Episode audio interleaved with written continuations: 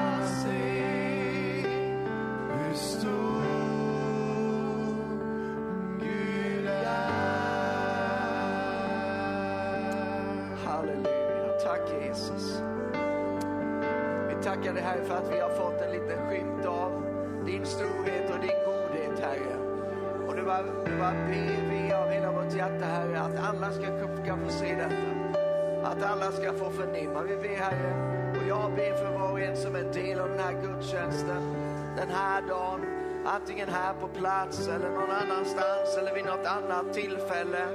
Herre så ber jag att de ska se och att vi tillsammans ska se din storhet, din kärlek, din nåd, din kraft, Herre.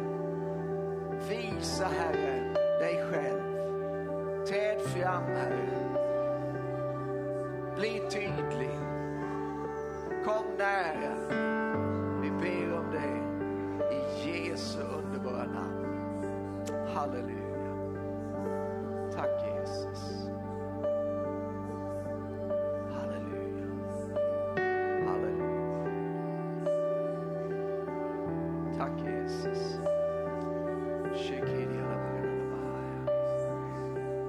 Tack Jesus. Halleluja. Tack Jesus. Vända dig om till någon och säga du är inte så stor. Men det gör ingenting för Gud är stor.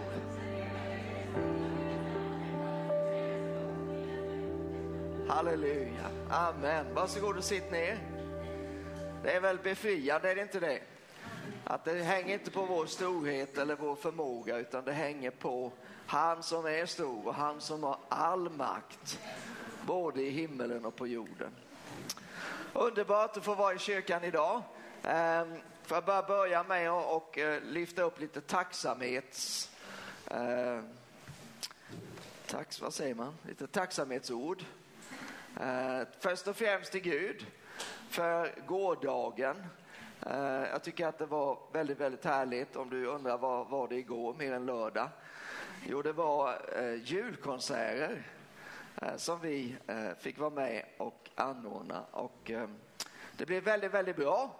Ehm, jag tror nog att med närmare 30 000 kronor kan vi skicka ut till slumskolan i Delhi och till flickskolan i Tanzania och så vidare tack vare de här konserterna. Det är ju tacknämligt, eller hur? Eh, Eh, och eh, det var eh, tack vare en familj som, som bara kände att ja, vi vill sponsra med 100 biljetter. Så, så, så då fick vi ju där en rejäl slant bara på det. Men tack vare det, mycket tack vare det så kom det ju ungefär 50 stycken på sådana här inbjudningsbiljetter. Och många av dem de har ju inte kanske så ofta går i kyrkan eller känner Jesus och så vidare. Så det är också någonting att vara oerhört tacksam för, eller hur? Eh, sen blir man ju ödmjukt tacksam också över allt det arbete som läggs ner av så många. Så tack ska ni ha allesammans för detta fantastiska arbete ni gjorde och ni som kanske inte är här idag av naturliga skäl. Eh, våran, våran hjälte eh, utanpå hjältarna, Jonas Leiberts. Hans. Jonas.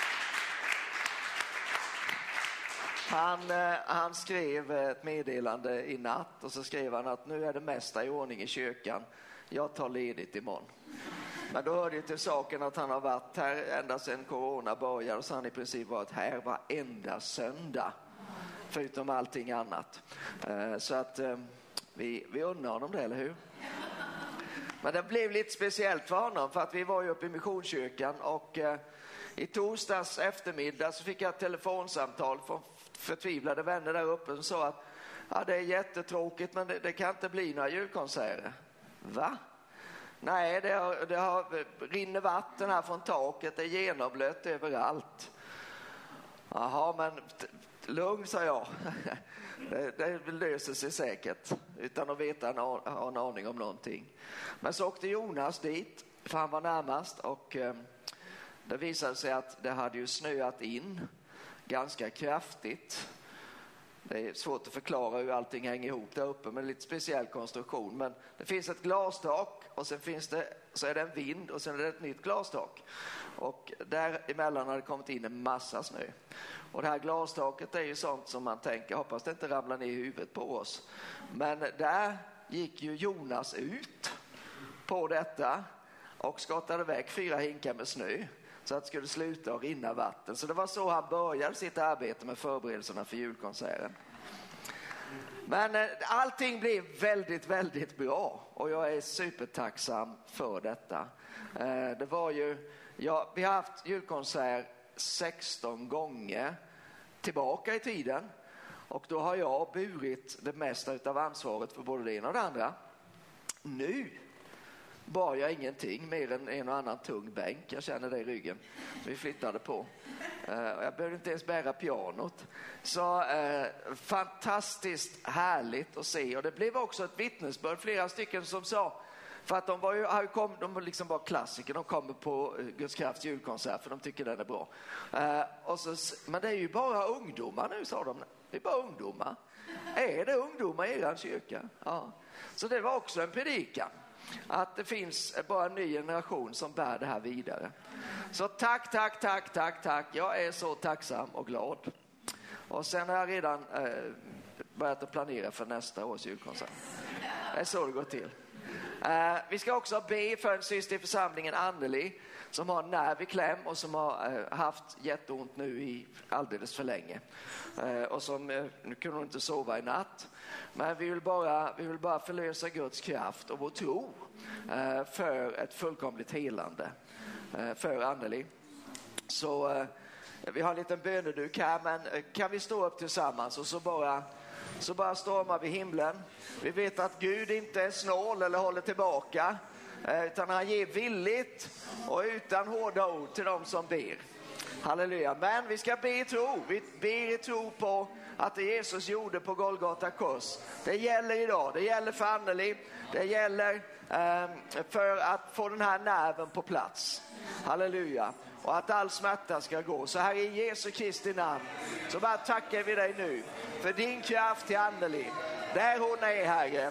Och behöver inte ens vänta på böneduken utan vi bara förlöser vår tro Herre för ett fullkomligt helande. Vi bryter denna smärta i Jesu Kristi namn. Och vi bara begär att den här nerven kommer på plats. Att det som klämmer åt och det som förstör, Herre, att det bara ställs till rätta. Tack att du förmår att fullkomligt hela. Du förmår att fullkomligt bota. Och vi bara tackar dig Herre för din kraft just nu till Anneli i Jesu Kristi namn. I Jesu Kristi namn. Amen. Amen. Varsågod och sitt igen. Tack så mycket för att du är med. Det är så underbart att stå tillsammans, eller hur? Man, eh, man, man får ibland den här idén att jag klarar mig ganska bra själv. Ända tills det händer någonting överhuvudtaget, typ så. Så blir man påminn om, just det, ja, nej men vad skönt att det finns andra eh, runt omkring. Och, och jag, jag, jag, sa det faktiskt igår, för många år sedan så hade vi hotell och camping och vandrarhem och restaurang. Och, ja, vi höll på med ganska många saker och då blev ju jag kompis med de andra i branschen så att säga. Inte först, men efter ett tag. Och eh, så var det, på den tiden fanns en, eh, en som hade eh, en kinesrestaurang.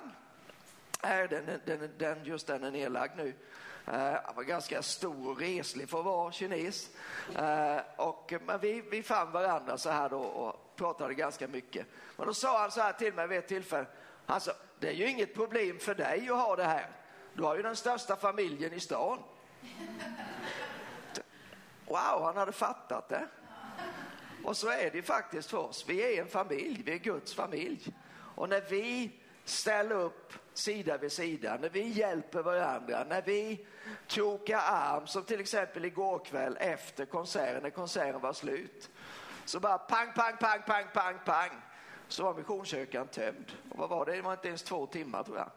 Och det var två dagars förberedelsearbete för att ställa i ordning allting. Helt fantastiskt, därför att vi var många som hjälptes åt. Ja, det där predikar för mig. Nu ska jag predika någonting annat, men förhoppningsvis kan det hjälpa oss allesammans. Vi ska läsa idag lite grann ifrån Thessalonikerbreven. Jag vet inte om du har varit i Thessal Thessaloniki. Så det heter va? Thessaloniki, jo. Eh, en stad i, ganska långt norrut i Grekland. Och Paulus han kom ju dit tillsammans med sin kompis, måste vara Silas som var med där, tror jag det var andra missionsresan. Och eh, de hade suttit i fängelse i Filippi, det var första erfarenheten av Europa kan man säga. Eh, och sen kom de upp till Thessaloniki och eh, där kunde Paulus bara vara ett par, tre veckor. Och sen var han körd där med så att han fick fly därifrån.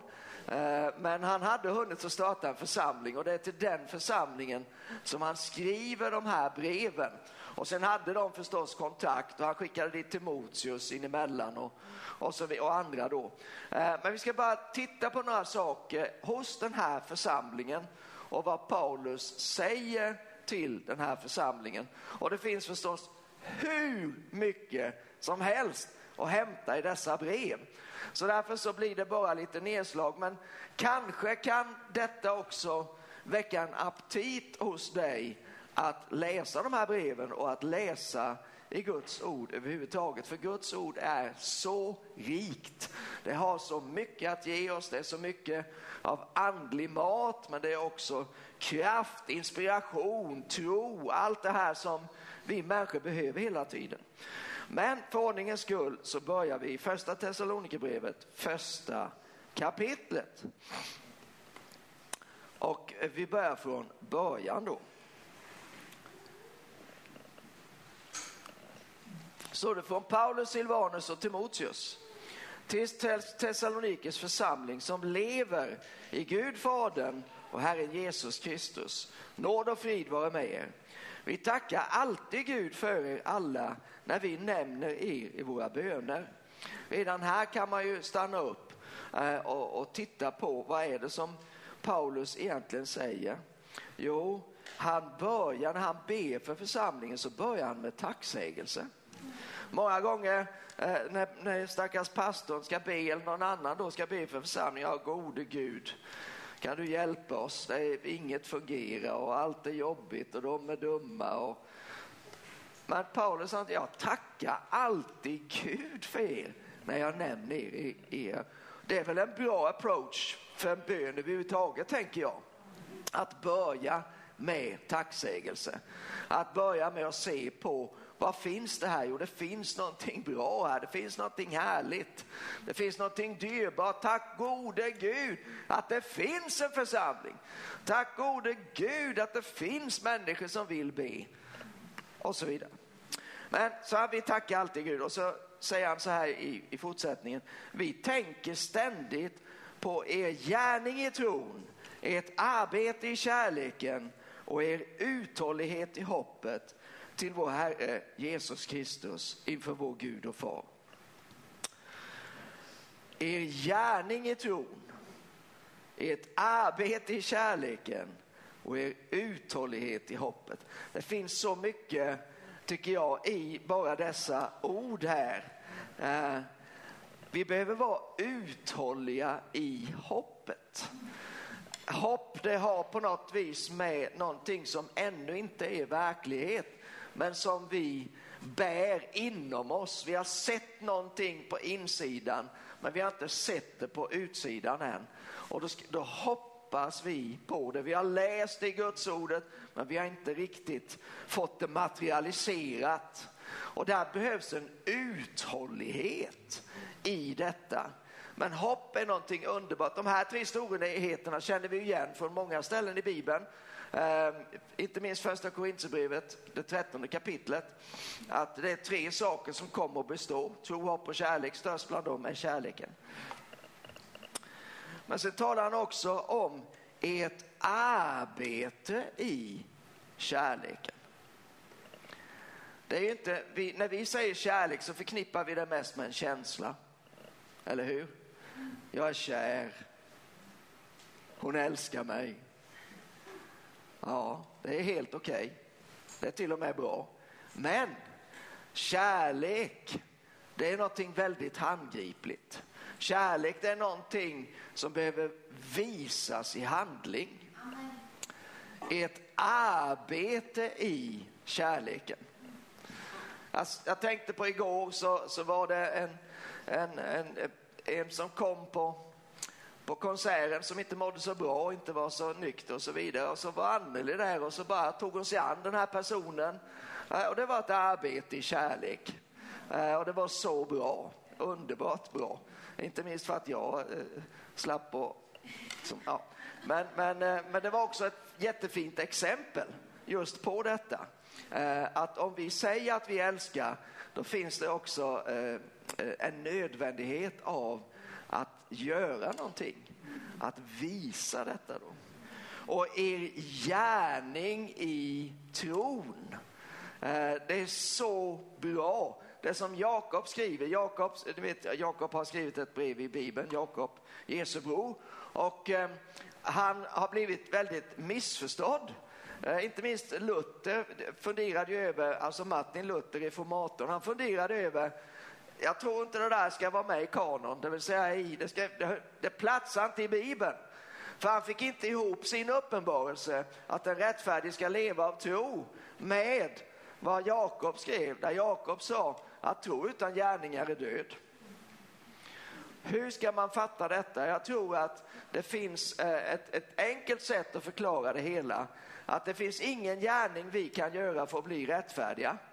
Men när vi har blivit rättfärdiga så finns det ingenting eh, som hindrar, eller faktiskt tvärtom, så behövs det att vi gör gärningar. Men vi gör inte gärningar till rättfärdighet, vi gör gärningar utifrån rättfärdighet. Vi, vi tror, därför talar vi också. Det är, ju, det är ju ett exempel just på detta. Men tron måste omsättas, precis som kärleken, så måste den omsättas i praktik och i handling. Och detta lyfter Paulus fram med den här församlingen. Han säger detta är en anledning till att vi är så tacksamma över er. Vi tackar Gud för att ni har en tro som är omsatt i gärningar, ni har en kärlek som som är omsatt i arbete och ni har en uthållighet i hoppet. Och så, så tror jag att han ger en liten vink om också i den kommande versen där, eller kommande verserna, om hur det hänger samman, eller vad det kommer av. Och han säger bröder, Guds älskade, vi vet att ni är utvalda. För vårt evangelium kom till er, inte bara i ord, utan också med kraft.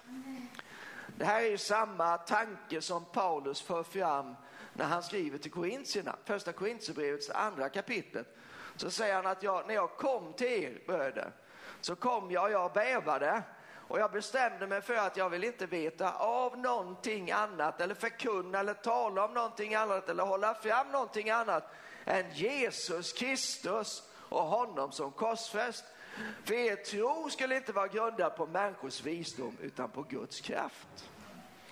Så evangeliet kom till er, inte bara i ord utan också med kraft. Och så är det med evangeliet. Evangelium är Guds kraft till frälsning för var och en som tror. Så att om det kommer ett evangelium som är utan kraft, då, då har man tappat någonting på vägen och vi kan alla hamna där.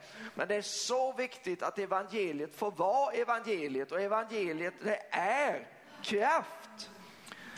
Och, men det är inte bara det. Han säger vårt evangelium kom till er, inte bara i ord, men, utan också med kraft. Och den helige ande. Och den helige ande är ju också kraft, eller hur? När den helige ande kommer över ska ni få kraft och bli mina vittnen. Eh, Apostlagärningarna 1 och 8. Och dessutom så kom det i full visshet, eller med full visshet kanske det står det kom med kraft och den helige ande och full visshet. Och det är det som är tro. Tron är en övertygelse. En övertygelse, en visshet. Jag är viss på vem jag tror och jag vet att han kan bevara mig. Så det här skriver Paulus och han säger att det, det, även om jag inte var där så länge så var det tillräckligt, för det handlar ju inte om mig. Han säger någon vers längre ner, så säger han att, ehm, ja för det första i vers 6 så säger han att ordet kom i kraft och i helig ande och i visshet. Men också säger han, ni tog emot ordet med den glädje som den heliga ande ger. Så det är inte bara ordet i sig som är viktigt utan också attityden med vilket, vilket, vilket vi tar emot det. Det är jättebetydelsefullt. Och sen i vers 8, från er och Herrens ord gett eko. Så det, det, liksom, det stannade inte där utan det fortsatte vidare ut. Överallt har er tro på Gud blivit känd. Och han säger, ni, har, ni omvänder till Gud, bort från avgudarna för att tjäna den levande och sanne guden och väntar på hans son från himmelen. Honom som Gud har uppväckt från de döda. Jesus som räddade oss från den kommande vredesdomen. Ja, och så utvecklar han detta och vi som sagt var, vi kan inte eh, gå igenom allt detta, men vi flyttar oss raskt över till andra Thessalonikerbrevet. Då har det förflutit en tid och under den tiden så har församlingen faktiskt utvecklats. Eh, om man då läser början på andra, brev, förlåt, andra brevet. Det är lite svite av att sjunga, tror jag. Så påminner inledningen väldigt, väldigt mycket om första brevet. Från Paulus, Silvanus och Timoteus, samma grabbar där, till Thessalonikis församling som lever i Gud, vår far och Herren Jesus Kristus. Nåd vare med er och frid från Gud, vår far och Herren Jesus Kristus. Vi måste alltid tacka Gud för er bröder och det har vi goda skäl till. För, för er tro växer starkt och kärleken som ni alla har till varandra blir allt större hos var och en.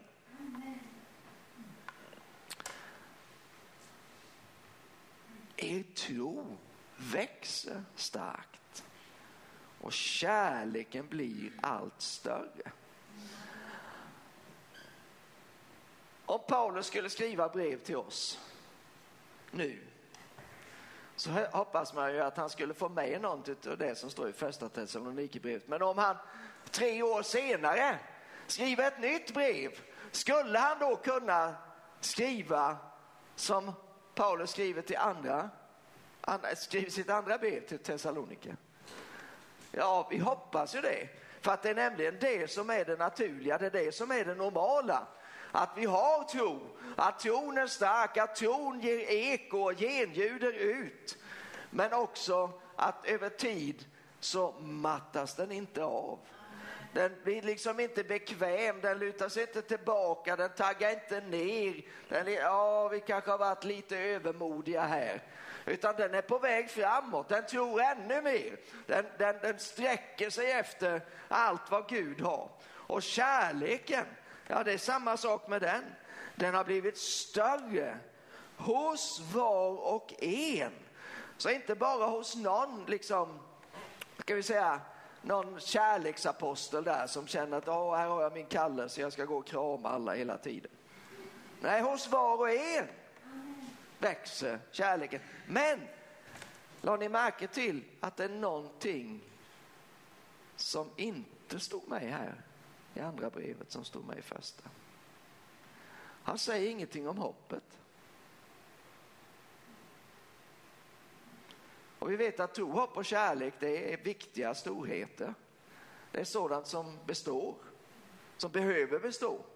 Men ändå säger han ingenting om hoppet och, och anledningen tror jag till detta det är att det har kommit predikanter eller andra till församlingen i Thessaloniki och de har börjat prata om Herrens ankomst. Och det var ju det som hoppet, som Paulus riktade hoppet till. Vi kan bara gå tillbaka här för repetitionens skull.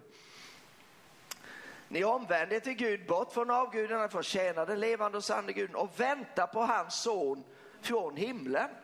För det är, det är liksom fokuset, det stora fokuset för hoppet, det är att Jesus ska komma tillbaka. Och vi pratar ju om det i adventstid, vi pratar om att Jesus har kommit och Jesus kommer där vi är idag, så kommer Jesus, han vill komma till, till varje människa. Det var därför vi hade julkonsert.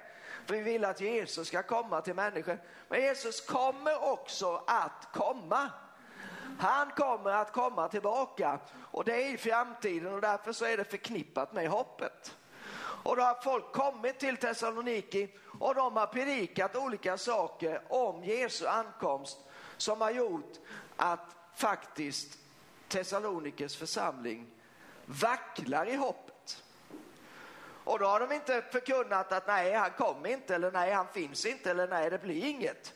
Utan de har snarare förkunnat att han har redan kommit.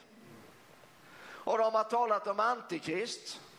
Och, och, och allting har blivit förvirrat för församlingen. Och då vill jag, då vill jag bara läsa lite grann här nu och titta, för när jag, när jag läser det här brevet så kan jag se att det finns tre stycken, kan vi säga, förmaningar här. Och så finns det tre stycken böner, skulle man kunna kalla det. Eh, och tre, det är ju, det vet vi, det är det gudomliga, den gudomliga fullheten. Gud är tre i en. Så att det finns kanske en tanke i att Paulus har ställt fram det på det sättet.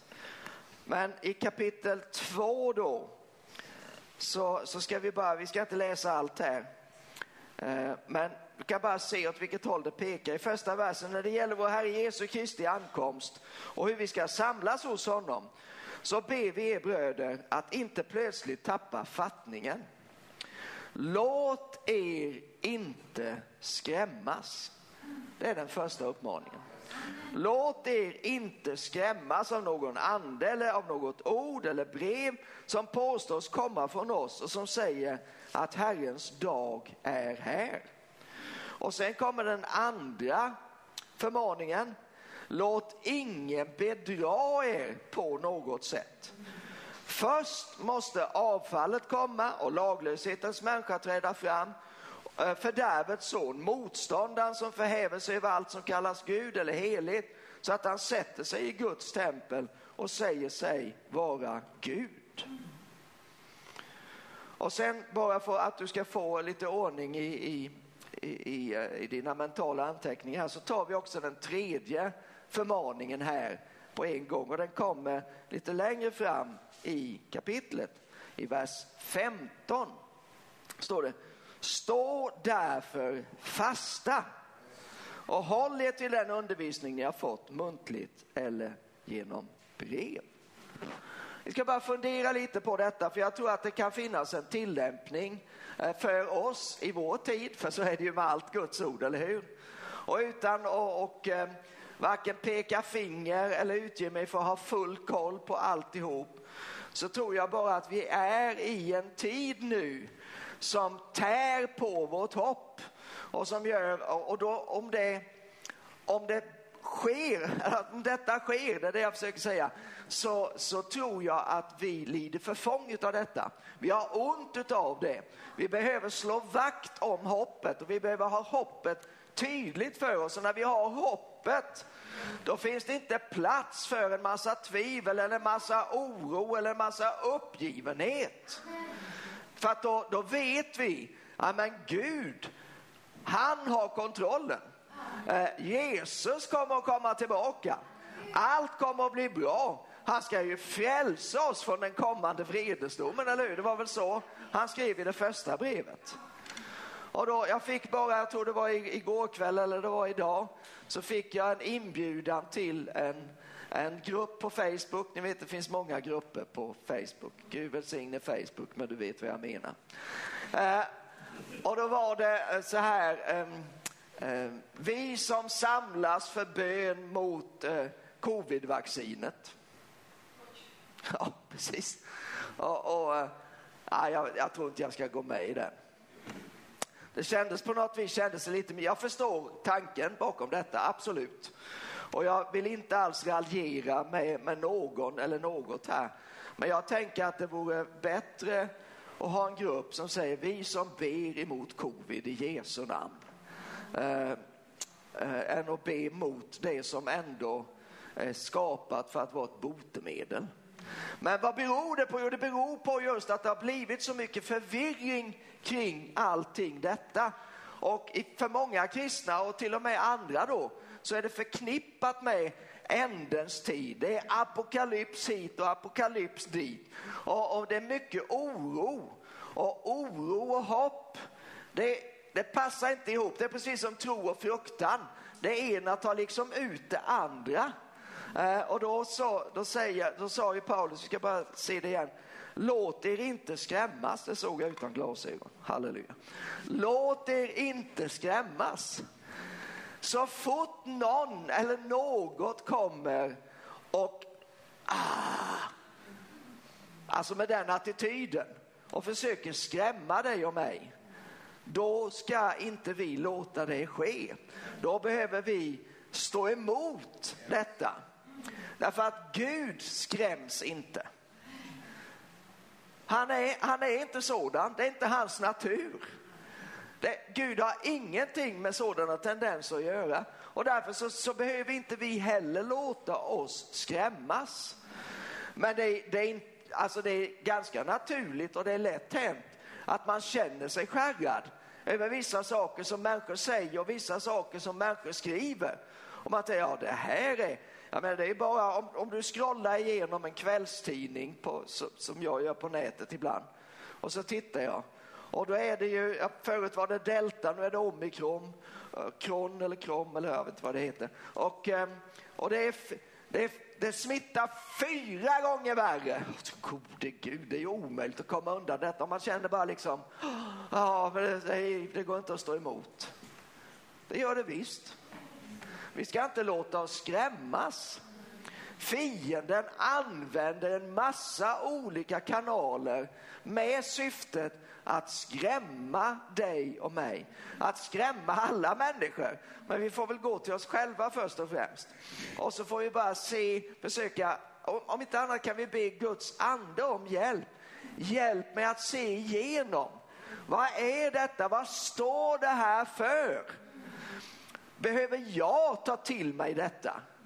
Även om det skulle vara sant så är ju inte det den enda sanningen. Jag har ju en annan, en starkare, en högre sanning som jag faktiskt har fått, som är min sanning, om vi nu kan tala i sådana termer då. För sanning är ju sanning för vem som helst som vill ta, ta den till sig. Men vi måste ändå göra den till vår sanning. Och då ska inte vi låta oss skrämmas. Oh, jag tycker det här var, det var så bra. Och då här, låt er inte skrämmas av någon ande eller av något ord. Ja, men jag har inga andar som talar till mig, gosseblå. Det är massor med andemakter som talar till oss allesammans. Fast de, har ju inte, de kommer liksom inte och säger, här är någonting oformligt som svävar omkring i luften och liksom viskar i ett hörn. Det har jag varit med om. Men det är inte det vanliga, eller hur? Men det finns ju, alltså vår tanke, Sveriges tanke om att ja, men vi, är, vi förhåller oss fullkomligt neutrala, den är ju bara en illusion. Neutralitet finns ju inte i så mått utan det finns, alltid, det finns alltid någonting bakom. Det finns alltid ett syfte. Det är alltid en riktning med det som sägs att det ska gå, driva oss åt något håll. Det ena eller det andra. Eh, så därför så är det faktiskt andligt. Tillvaron är andlig. Det finns andliga principer men det finns också andliga krafter som vill driva oss åt ett håll. Men vi, vad, ska vi? Ja, vi ska drivas av Guds ande. Så står det i Romarbrevet 8. Egentligen är, är den översättningen lite missvisande. För att när, när någonting drivs då, då är det känslan av att det sker lite grann mot någons vilja. Jag driver dig framför mig. Men det, ordets egentliga betydelse är att ledas av Guds ande. Men det betyder att då kan vi inte drivas eller ledas eller ytterst sett på, låta oss påverkas av olika andliga företeelser eller olika ord som man säger här också. Jag läser igen. Låt er inte skrämmas av någon ande eller av något ord eller brev. Och sen kom då den andra förmaningen. Låt ingen bedra er på något sätt. Den, den kan man ha som en allmän eh, förmaning och uppmaning därför att det finns mycket bedrägeri. Jag menar, vi har alla internetbedrägerier nu. Du får säkert sms ibland eller mejl eller på olika sätt bara ska luras och klicka någonstans eller skicka in någon grej på något ställe. Eh, och, eh, så vi vet alla vad bedrägeri är, men det finns allvarliga bedrägerier än detta och det är andliga bedrägerier. Eh, och eh, djävulen, han är en bedragare. Han talar lögn. När han talar lögn då talar han av sig själv för han är lögnens fader. Han kan inte tala sanning. Han har inte det i sin natur. Gud å andra sidan är totalt motsatt. Gud kan inte ljuga. Allt Gud säger är sanning. Det är därför det är så skönt att vara med Gud. För honom kan man lita på. Men fienden kan vi aldrig, aldrig någonsin lita på. Låt ingen bedra er på något sätt. Och då vill jag mena, eller jag tycker så här, jag vet inte, du kan tycka annorlunda, men jag tror att det är väldigt mycket bedrägerier i Sverige, även inom kristenheten, när det gäller Kristi återkomst till den här världen eller den yttersta tiden eh, eller allt det som är förknippat med detta. Ehm, eh, vår förståelse av Uppenbarelseboken, den är ju lite knepig. Och jag förstår inte allt jag läser i Uppenbarelseboken. Jag, jag tröstar mig med min gode vän Hilding Fagerberg. Han sa så här, de säger att Uppenbarelseboken den är så konstig, men det är väl konstigt, sa han. Den heter ju Uppenbarelse. Ja, det kunde man ju tycka, men jag tycker ändå att det är konstigt. Men kanske är det, jag vet inte, Gud måste väl ändå ha haft någon tanke med att han formade den här boken på detta sätt. Eh, och det som vi inte förstår, ja det får vi lämna till honom. Men vi måste försöka att tränga igenom allt det här pratet som är. Eh, alla olika budskap som kommer kring detta och gå tillbaka till någonstans. Vad har Gud sagt? Inte bara i Uppenbarelseboken då, utan vad är Guds övergripande budskap till oss människor? Och då när det gäller antikrist, vi har ju, det talas om vilddjurets märke nu, det talas om, om de här olika sakerna. Så, så kan vi inte bara läsa en vers i Uppenbarelseboken och försöka klistra på det på den nuvarande situationen. Så har, så har kristna gjort i alla tider och därför så är det så många som har varit antikrist. Och på ett plan tror jag att de har varit det. För att, många gubbar i luften idag. Men Johannes skriver i sitt första brev att antikrist är verksam nu och redan har många antikrister kommit och det var ju, ja, det var ju på 80-90-talet. Så, så det var ju redan då. Och tänk vad många som har varit sedan dess. Men det betyder inte att antikrist med stort A har kommit fram. För det finns någonting, säger Johannes, eller säger Paulus här, det finns någonting som håller honom tillbaka. Och det finns förstås olika, det är så med, med skriften att det finns olika tankar och tolkningar omkring precis allting. Men, men vi kan konstatera att det finns någonting som håller antikrist tillbaka. Uh, och, och vi, jag, kan, jag, jag varken kan eller vill gå in i alltihop detta för det är inte det som är mitt syfte med och ta upp de här sakerna. Men kan vi, kan vi förenas i detta att vi ska inte låta oss skrämmas och vi ska inte låta någon bedra oss och vi ska stå fasta. då tror jag att väldigt mycket är vunnet bara genom detta. För nu ser jag en kristenhet som alldeles för mycket vacklar, som alldeles för mycket ger efter. Och, och det är någon, jag, jag uppfattar det som det är en, en uppgivenhet, att ja, men nu, nu går allt, allting går mot sitt slut. Ja, jag tror att det gör det. Men vad innebär det att det går mot sitt slut? Innebär det att nu är det bara kört för oss och vi får försöka att härda ut eller försöka ta oss igenom och, och komma liksom in på genom pärleporten så här och trilla över kanten och svimma av precis innanför mållinjen. Jag tycker inte att det är vad Bibeln säger. Utan jag tycker att det finns en annan bild i Bibeln om Kristi kropp som i svåra tider, i, i hemska omständigheter som ändå triumferar.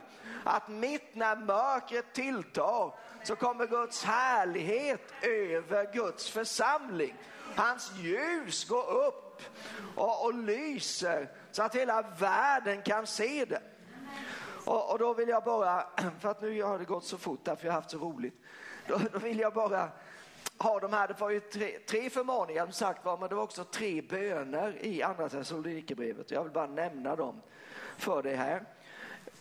Vi, vi läser först, i, eller igen då i vers 15, men är det okej okay om vi för sammanhangets skull tar från vers 13? Ja, tack så mycket. Bra. Här kommer ju tacksägelsen igen.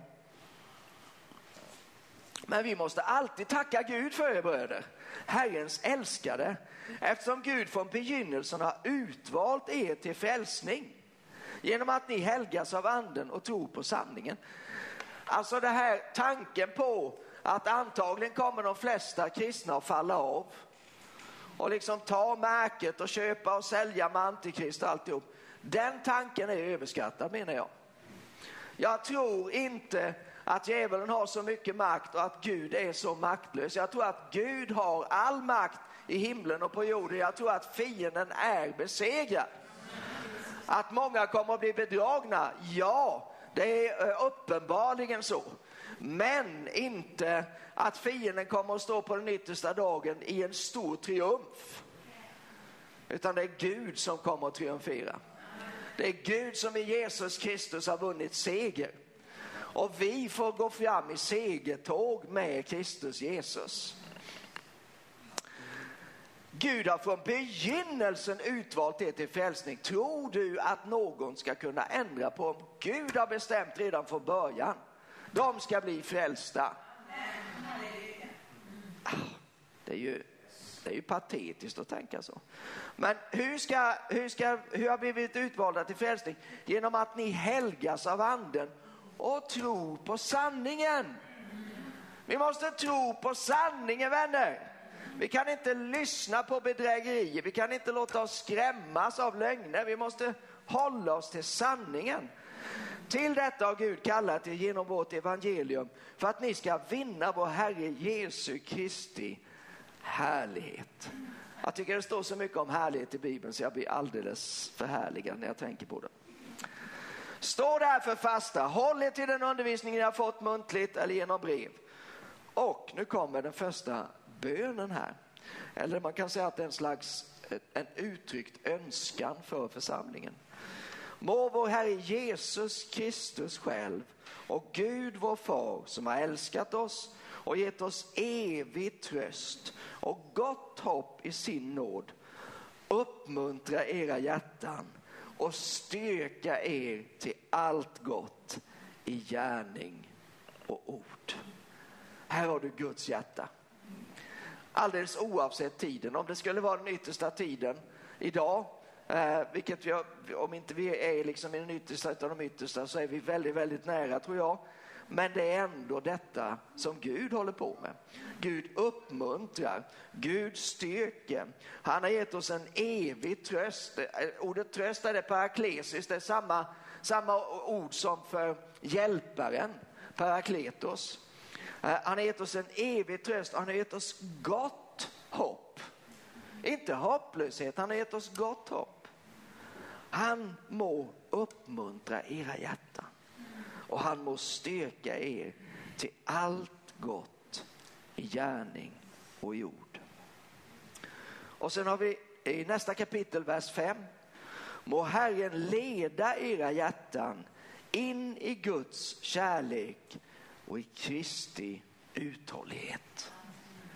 Guds kärlek och Kristi uthållighet. Han uppmuntrar våra hjärtan och han leder våra hjärtan. Vår invärtes människa.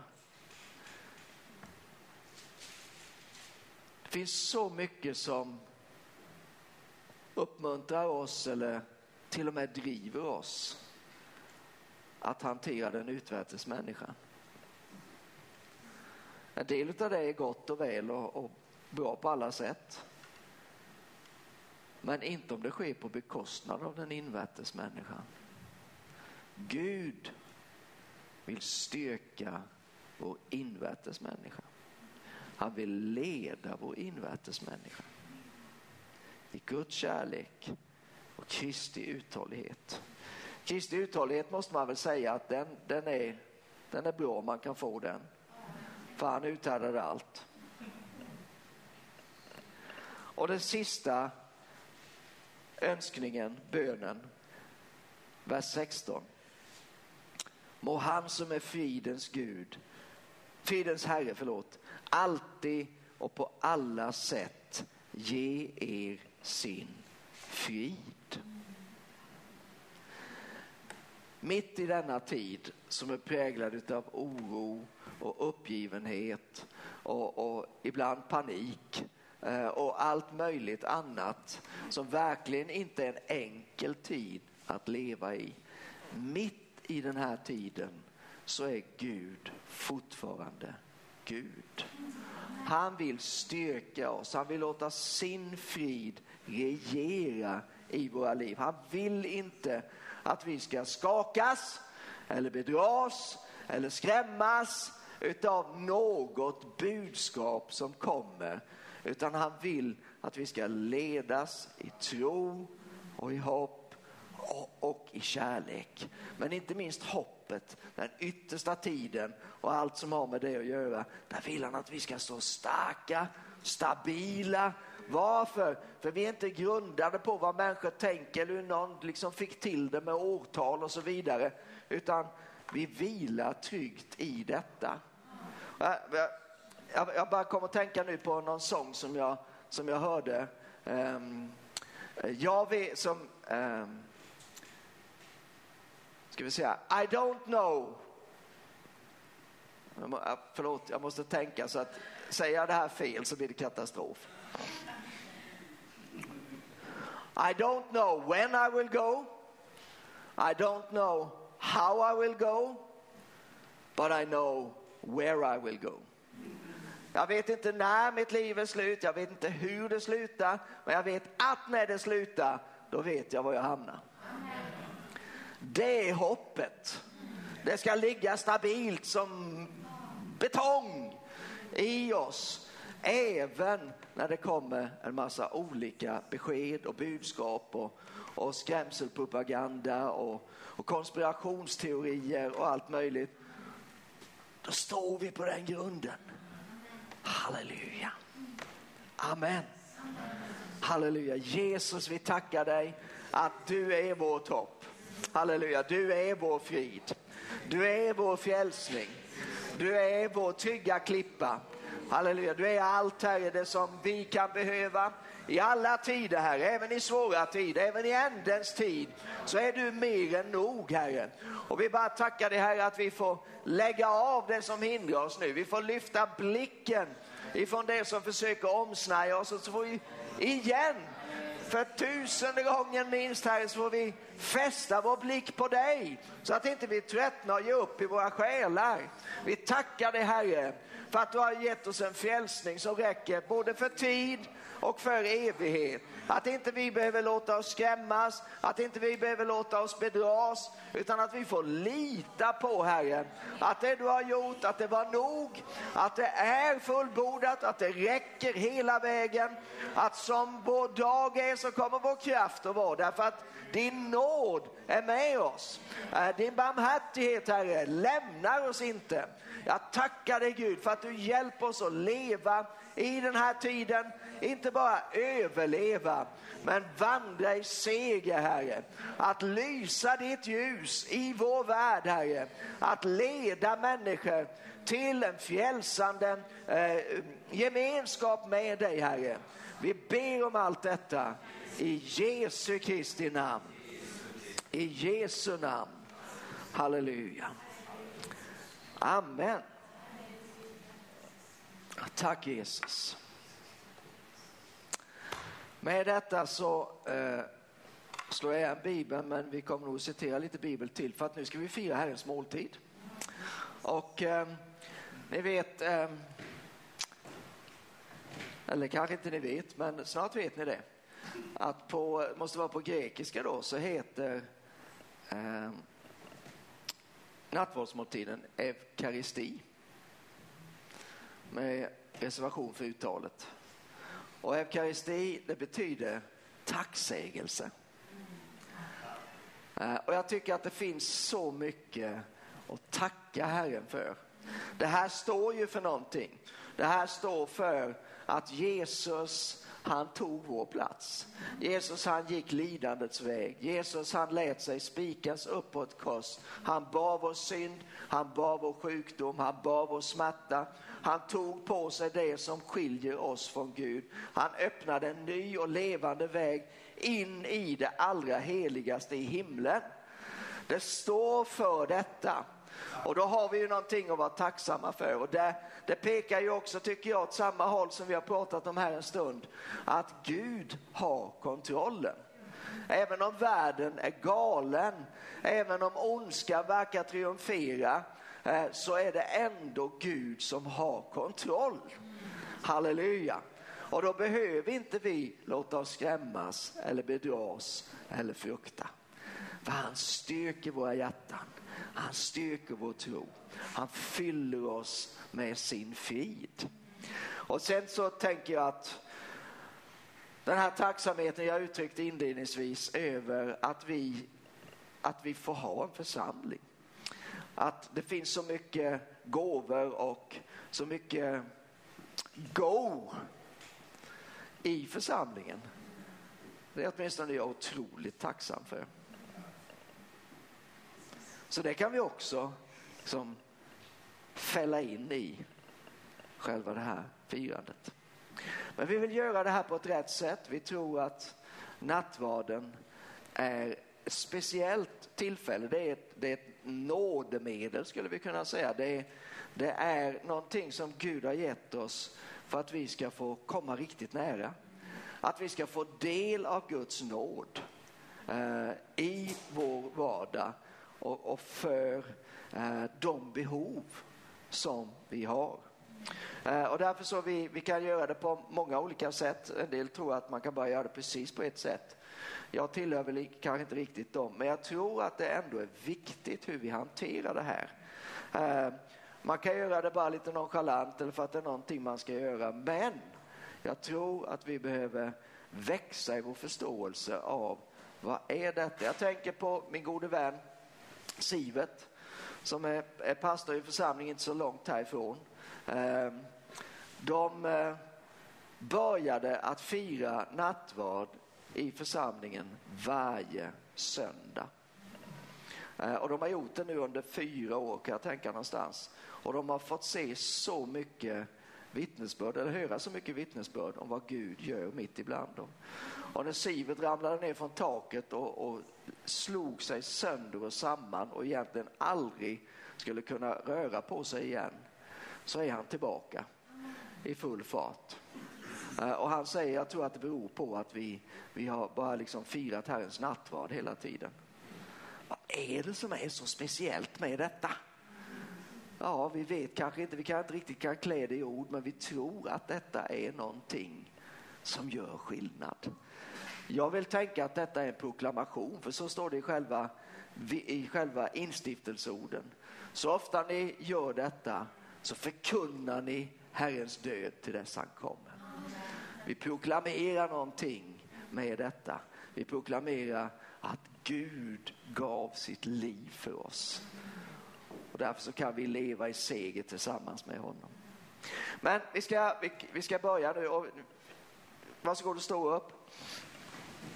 Så, så tror jag att vi bara ska börja med att bekänna vår kristna tro. Och du får den här på, på skärmen så du kan vara med. Så låt oss bara proklamera detta tillsammans. Vi tror på Gud Fader allsmäktig, himmelens och jordens skapare. Vi tror och på Jesus Kristus, hans infödde son, vår Herre, vilken är avlad av den helige Ande, född av jungfrun Maria, pinad under Pontius Pilatus, korsfäst, död och begraven, nederstigen till dödsriket, på tredje dagen uppstånden igen ifrån de döda, uppstigen till himmelen, sittande på allsmäktig Gud faders högra sida, därifrån igenkommande till att döma levande och döda. Vi tror och på den helige Ande, en helig allmännelig kyrka, de heliga samfund, syndernas förlåtelse, de dödas uppståndelse och ett evigt liv. Halleluja, Herre vi tackar dig för att vi får dela tron tillsammans med din kropp över hela världen och genom alla tider. Tron på att du är den som har skapat allt sammans. Tron på att du är Jesus Kristus har försonat oss med dig själv. Tron på alla de här underbara sakerna som du har gett till oss. Tron på den heliga ande och livet tillsammans med hjälparen. Tron på de dödas uppståndelse på en evighet i himlen. Allt detta Herre, vi tackar dig för denna dyrbara tro som du har skänkt oss. Inte som vi förtjänade men som vi fick Herre. Vi tackar dig för det. Halleluja. Och Herre, nu vill vi komma till dig, vi vill komma nära dig och vi ber att du nalkas oss när vi nalkas dig. Men Herre, vi vill, vi vill innan vi gör det vill vi bara lägga av allt, väldigt konkret, allt som står i vägen, allt som hindrar oss.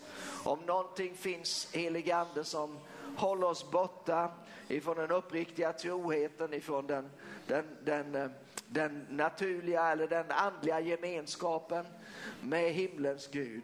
Då ber vi helig ande, hjälp oss, peka på detta, led oss här så att vi kan lämna, att vi kan försonas, att vi kan bekänna det som behöver bekännas. Helige ande, just nu gör du det.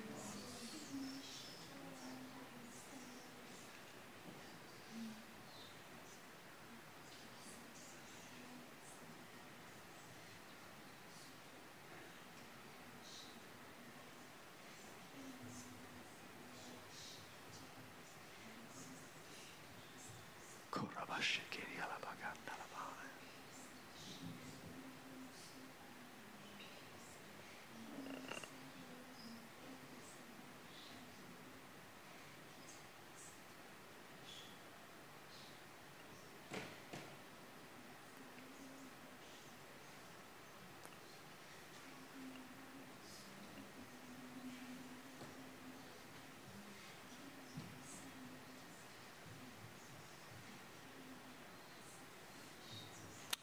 Halleluja. Skriften lovar att om vi bekänner våra synder så är han trofast och rättfärdig så att han förlåter oss våra synder och renar oss från all orättfärdighet. En bekänd synd inför Gud, det är en förlåten synd. En förlåten synd är en utplånad synd. Den synden finns inte mer. Den är inte bara överskyld. Den är inte bara bortskuffad, inlagrad någonstans för ett annat tillfälle, den är utplånad.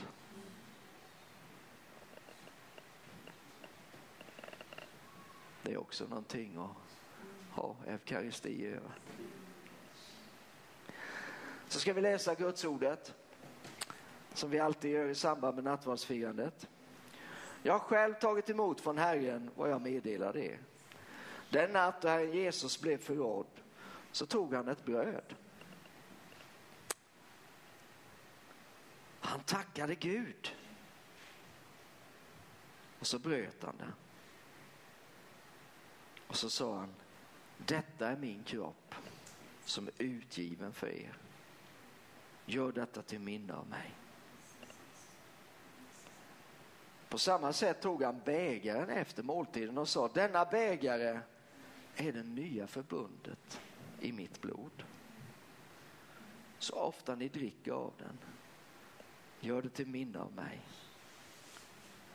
Så ofta ni äter detta bröd och dricker av denna bägare förkunnar ni Herrens död till dess han kommer.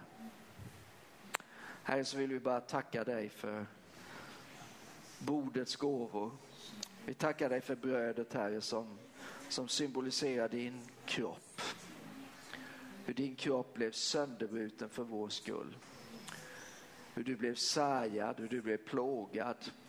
Hur du i din kropp tog på dig synd och död och smärta och sjukdom och allt ont, Herre. Vi bara ber om din välsignelse och din nåd och din närvaro, Herre, genom brödet till oss var och en. Och vi tackar dig, Herre, för ditt blod. Lammets blod som renar oss från all synd. Vi bara ber Herre att din nåd ska vara verksam. Att vinet ska bara få betjäna Herre med försoning.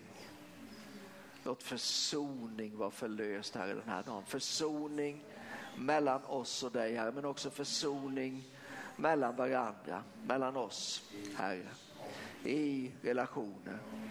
Herre Låt försoning bara få strömma in, Herre. I relationer som har gått i stå, i relationer som har kallnat, i relationer som är avbrutna. Vi bara förlöser försoning idag. I Jesu Kristi namn. I Jesu Kristi namn. Och vi ber, Herre, att du ska ha din väg genom brödet och genom vinet. Vi ber Herre att du ska manifestera dig själv, din fullhet Herre, hos oss var och en. När vi tar emot dig, när vi tar emot dina gåvor. I Jesu namn. Amen. Låt oss be Herrens bön tillsammans. Fader vår som är i himmelen Helgat var det ditt namn. Tillkommer ditt rike. Ske din vilja så som i himmelen, så och på jorden. Vårt dagliga bröd giv oss idag och förlåt oss våra skulder så som och vi förlåter dem oss skyldiga äro.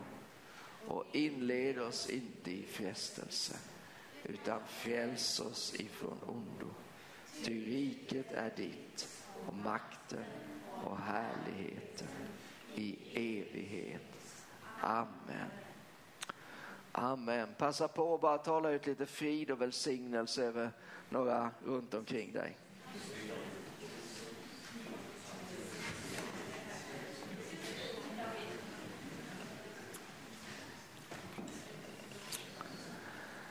Halleluja, tack Herre. Amen. Vi, vi gör så här att eh, du får stå kvar där du är och så kommer Elinor och Karina med bröd och vin till dig. Och sen föreslår jag att vi, vi, eh, när vi har fått det, att vi behåller det. Och så kan kan vi tillsammans bara dela gåvorna här om en liten stund. Rickard får först här så kan han